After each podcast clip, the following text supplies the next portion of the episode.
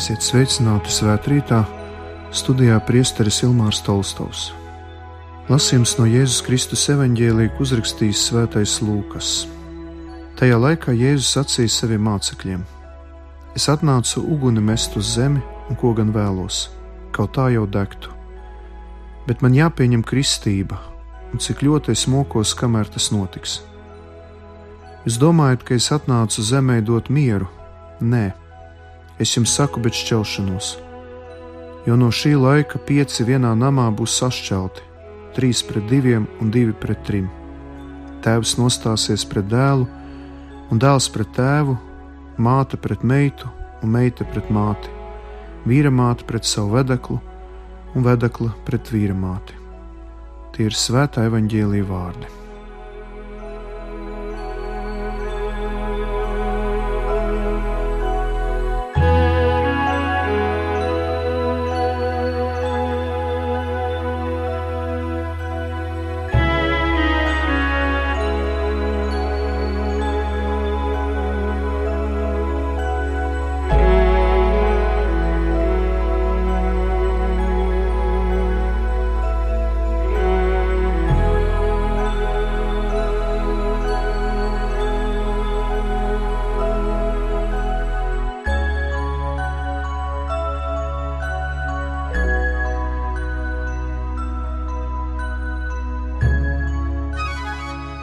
Darbie radioklausītāji, pirms sāk pārdomāt šodienas evaņģēliju, vēlos eh, vispirmkārt pateikties Dievam par brīnišķīgo svētceļu uz Aglu un arī par Aglonas svētkiem. Tas bija neatkārtojams laiks, kurā mēs no Rīgas Kristus karaļa draugs Jēkab katedrāles un arī, protams, citas svētceļnieku grupas piedzīvojam Dieva mīlestību ejot šajā ceļā no Rīgas līdz pat Aglonai.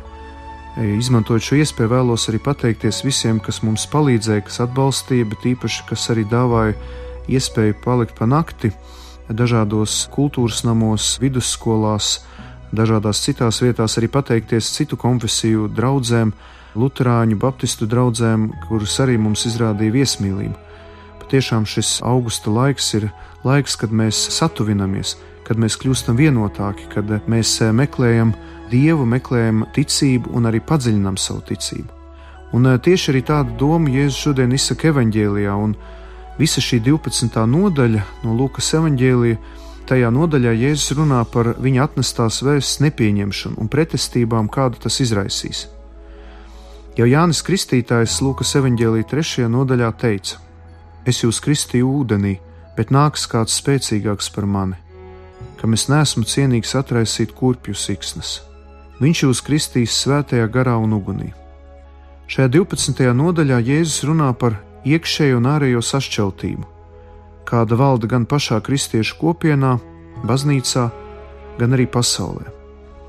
Arī svētceļiem laikā mēs piedzīvojam to, cik ļoti grūti ir iegūt šo vienotību. Arī mūsu grupā gāja ļoti dažādi cilvēki, no dažādām konfesijām, bija arī nekristīti, bija dažādi viedokļi, katram ir savs stāsts, savu vēsturi un sanākot kopā jūtam, ka nevienmēr šī vienotība ir viegli sasniedzama.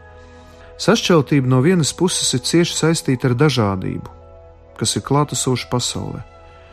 Mums ir skaidri jāapzinās, ka Dievs, būdams viens, nav vienveidīgs. Un šo tēzi es gribu atkārtot, jo tā ir ļoti svarīga. Mūsu Dievs ir viens, bet nav vienveidīgs. Ne par velti mēs kā kristieši ticam vienam, bet arī trīsvienīgajam Dievam. Un arī šo pasauli Dievs ir radījis jau tajā ja tā var teikt, ieinstalējot, jeb iebūvējot dažādību. Mēs redzam, ka, lai gan pasaulē ir vairāki miljardi cilvēku, tomēr nav neviena vienāda. Katrs ir atšķirīgs. Arī radītajā dabā mēs atrodam ļoti brīnišķīgu daudzveidību un krāšņumu. Tomēr tieši šī daudzveidība ir arī liels izaicinājums, jo tādējādi ir grūti atrast vienotību, kur ir pamatā mieram un harmonijai, pēc kuras tiecas katrs no šīs pasaules cilvēkiem. Ar cilvēciskiem spēkiem vien mēs nevaram panākt vienotību daudzveidībā, jo pasaules vēsturē ir redzams, ka daudzi mēģinājumi panākt šādu vienotību ar cilvēciskiem spēkiem ir cietuši neveiksmi. Ir notikusi vai nu totāla unifikācija, piemēram, marksistiskā ideoloģija, citi totalitārie režīmi, kur vēlējās visu padarīt vienveidīgu, radīt vienveidīgu cilvēku masu, kur visi domā vienādi, kur visi rīkojas vienādi, vai arī absolūts liberālisms, kad tik ļoti tiek pārspīlēts un uzsvērts indivīds un tā brīvība, kas gala rezultātā noved pie anarhijas un sabrukuma, sava veidā senā Romas impērija, Franču revolūcija, arī mūsdienu agresīvais liberālisms. Jēzus piedāvā ceļu, kāds ir dieva dots un ierakstīts pašā cilvēku un arī visas radības dabā. Būt vienotiem no vienas puses, bet no otras puses respektējot visas radības dažādību un unikalitāti. Un, lai to varētu īstenot, ir nepieciešama svētā gara klātbūtne un svētā gara ugunīgais un pārveidojošais spēks. Jau vecajā derībā ūdens nozīmē jaunās dzīves sākumu un auglību, savukārt uguns simbolizēja svētā gara darbības pārveidojošo spēku. Pravietis Elīs, kurš cēlās kā uguns un kura vārdi liesmoja kā lāpa, ar savu lūgšanu lika nonākt ugunī no debesīm pār upuri Karmela kalnā. Uguns jau netiešā veidā vecajā derībā attēloja svēto garu, kurš pārveido visu, kas to skar. Uguns ir tā, kas pārbauda, kas ir salmi, bet kas ir dārgmetāls. Svētais apustulis Pāvils pirmajā vēstulē korintiešiem saka, citēju: Jo citu pamatu neviens nevar likt kā to, kas jau ir likts proti Jēzus Kristus. Bet ja kas ceļ uz šī pamata zeltu, sudrabu, dārgakmeņus, koku, sienu vai salmus, katra darbs tiks redzams. Tiesas diena to atklās, jo tā parādīsies ar uguni, un kāds, kura darbs ir, uguns pārbaudīs. Ja kāda darbs, ko tas uzcēlis, paliks, tas dabūs algu. Ja kāda darbs sadegs, tam būs jācieš, bet viņš pats tiks izglābts, bet kā tikai caur uguni. Vai jūs nezināt, ka jūs esat dieva nams un ka dieva gars jūsos mājo? Citāta beigas. Jā, no vienas puses Jēzus norāda, ka viņš ir nācis nest mieru šajā pasaulē, Jāņa evanģēlī 14. nodaļā, 27. pantā viņš saka: Mieru es jums atstāju, savu mieru es jums dodu, nekā pasauli dod es jums dodu. Jūsu sirdis lai neizdrūkstas un nebīstas. Tomēr jau sirmais Simjons, turot rokās jaundzimušo ķēniņu, teica jaunavai Marijai, Lūkas evanģēlī 2. nodaļā, citēju: Redzi, viņš ir likts par krišanu un augšām celšanos daudz ļaudīm Izrēlā, un par zīmi, kam runās pretī un tev pašai caur dvēseli zobens spiedīsies, lai daudz siržu domas nāktu zināmas. Citāta beigas. Tātad nevaram lolot ilūzijas, ka kristietība būs tāda mācība, kura derēs visiem, kur pieņems visi. Mūsdienu Latvijā arī rodas tendence radīt tādu kristietību, kura būtu ērta un patīkama arī mūsdienu liberālajiem un ar patērētāju kultūru pārņemtajam cilvēkam. Tādā veidā tiek piedāvāta nevis autentiskā Jēzus Kristus dibinātā kristietība, bet gan tā saucamais kristietības izstrādājums. Ārējais ietērps forma paliek tāda pati, tikai tiek nomainīts saturs, kurš vairs nav tik stingrs un prasīgs. Tiek veidota un kultivēta tā saucamā pielāgojošā kristietība.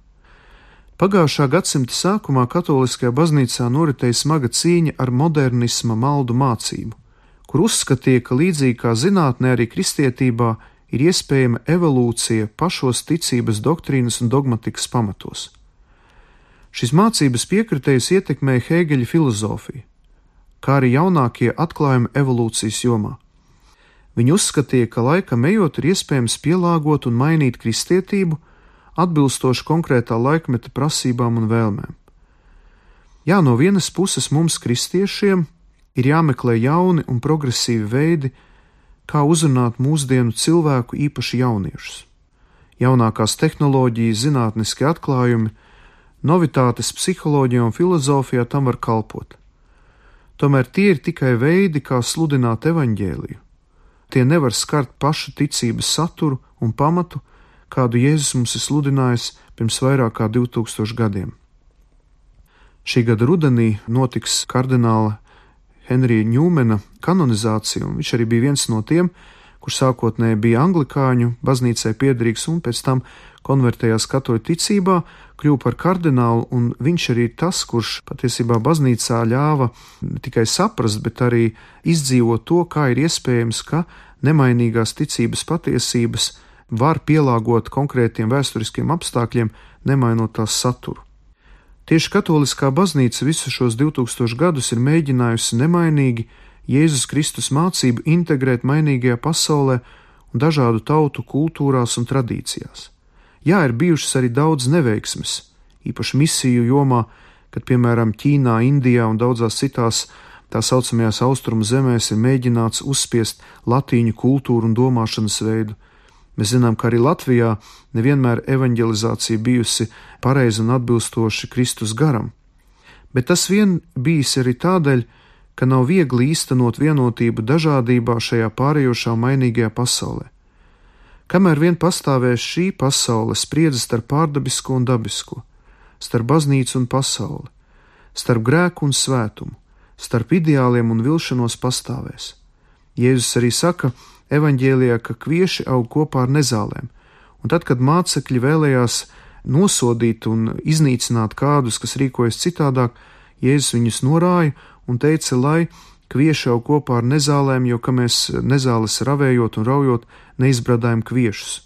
Jēzus arī saka, pasaules beigās, pastrā tiesā viss tiks noskaidrots un arī tiks atdalītas nezāles no kviešiem. Bieži vien cilvēki, nonākot saskarsmē ar baznīcu, piedzīvo vilšanos un iejaunošanos, sakot, ka nebija gaidījuši pašā baznīcā vai kristiešu starpā tādu grēcīgumu vai ļaunumu. Šādi viedokļi rodas pārāk identificējot baznīcu kristiešus ar Dievu, tos pilnībā vienādojot.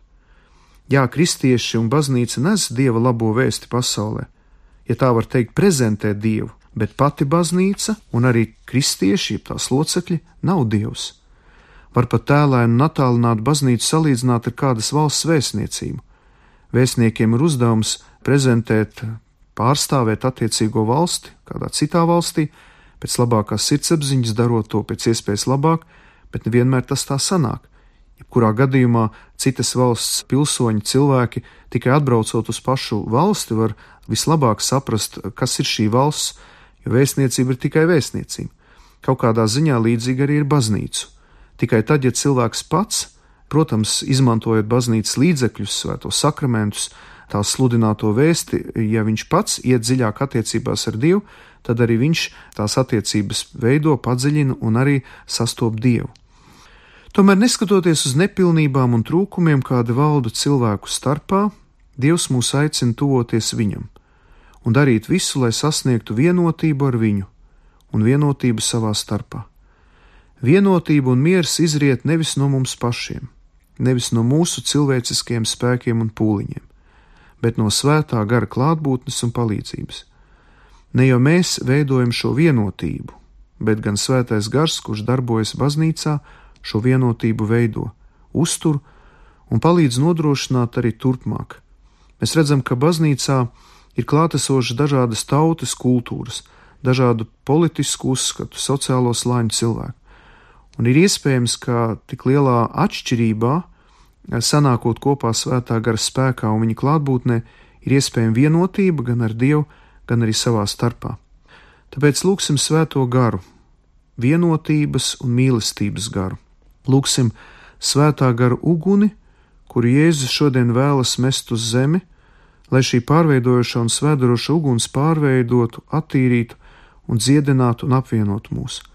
Tur, kur cilvēciski nav iespējama vienotība gan mūsu sirdīs, gan ģimenēs, gan kopienās, gan arī visā baznīcā un sabiedrībā, tur Dievs šo vienotību var radīt. Mūsu Dievs ir vienotības Dievs, respektējot mūsu katra dažādību un individualitāti. Ļaunais gars bieži vien šķeļ un rada mākslīgo vienotību, kura ir tikai ārēji. Lai varētu piedzīvot dziļo sirds vienotību, ir vajadzīgs Dieva spēks un viņa klātbūtne. Lūksim visi kopā, lai Dievs mums palīdz iet šajā Dieva veidotajā, dāvātajā un aicinātajā vienotībā. Mūsu Tēvs debesīs, svētīts lai top tavs vārds, lai nāk tava valstība, tavs prāts, lai notiek kā debesīs, tā arī virs zemes Mūsu dienascho maizi dod mums šodien, un piedod mums mūsu parādus, kā arī mēs piedodam saviem parādniekiem, un neieved mūsu kārdināšanā, bet atpestī mūs no ļauna, jo tev pieder valstība, spēks un gods mūžīgi mūžos. Āmen!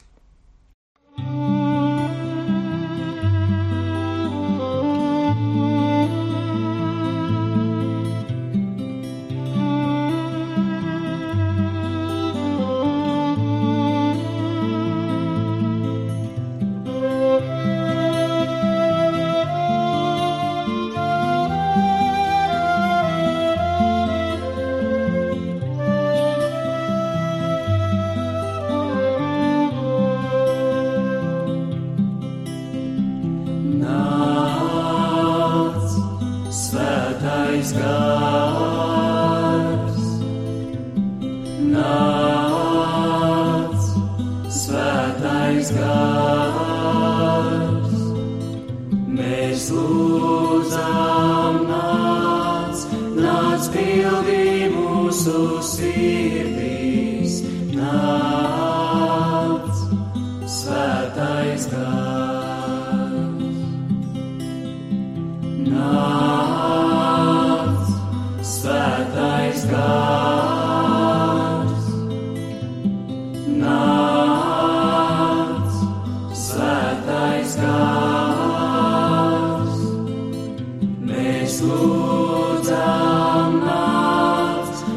nāc, pildī mūsu sirdīs.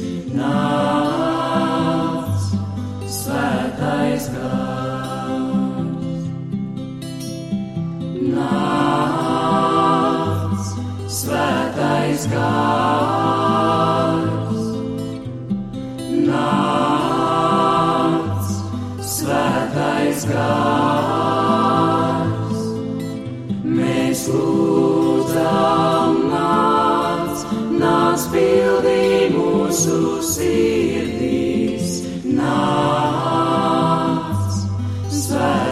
Svētais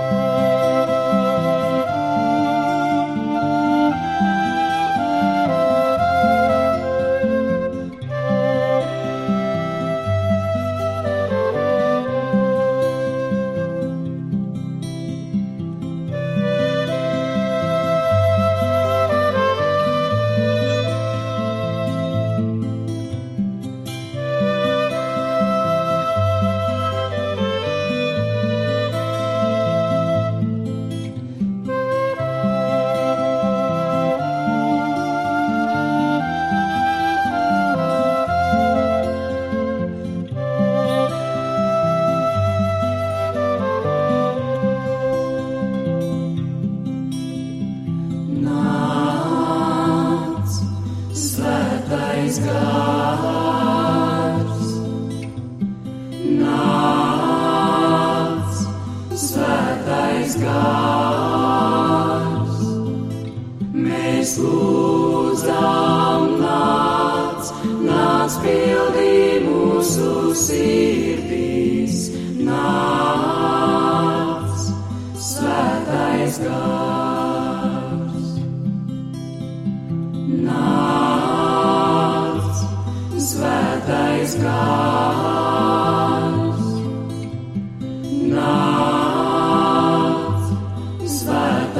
gars. Mēs lūdzam, nāc, nāc, pildī mūsu sirdīs. Nāc, svētais gars.